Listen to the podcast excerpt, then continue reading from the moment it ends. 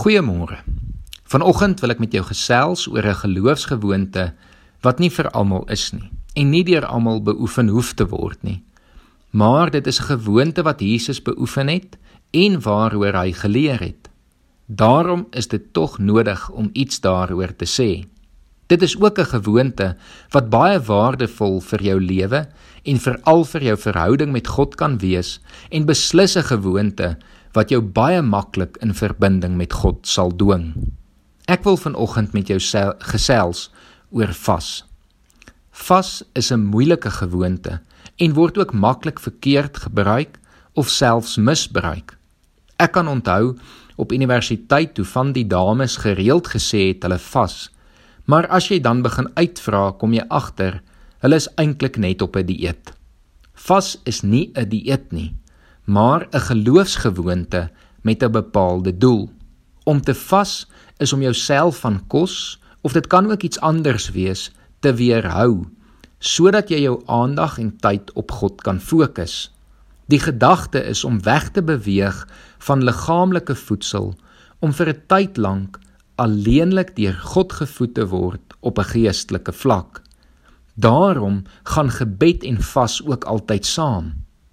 Jesus het byvoorbeeld na hy 40 dae gevas het, gesê mens leef nie net van brood nie, maar van elke woord van God.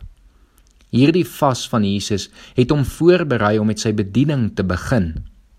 Vas is dus 'n wonderlike geloofsgewoonte om ons te help om geestelik te groei en 'n gewoonte wat saam met ander gewoontes gepaard moet gaan. Gebed, studie, Afsondering en stilte is ander gewoontes wat byvoorbeeld baie goed saam met vas werk. Om te vas moet egter altyd steeds verantwoordelik gedoen word. Iemand met lae bloedsuiker of ander mediese probleme moet nie sommer dit net aanpak nie of moet eerder 'n ander manier van vas vind. Moet ook nie sommer dink jy gaan met 'n 40 dae vas begin nie. Een dag of selfs 'n oggend kan alreeds 'n goeie begin wees. Vas moet egter nie iets sleg of onaangenaam wees nie. Vas is 'n hulpmiddel om ons te help om weg van ons liggaamlike behoeftes af te beweeg en te ervaar hoe ons geestelik groei. Daarom dat Jesus in Matteus 6 vers 16 die volgende sê: As julle vas, moet julle nie so skynheiliges met lang gesigte rondloop nie. Hulle mismaak hulle gesigte sodat mense kan sien dat hulle vas. Dit verseker ek julle, hulle het hulle beloning klaar weg.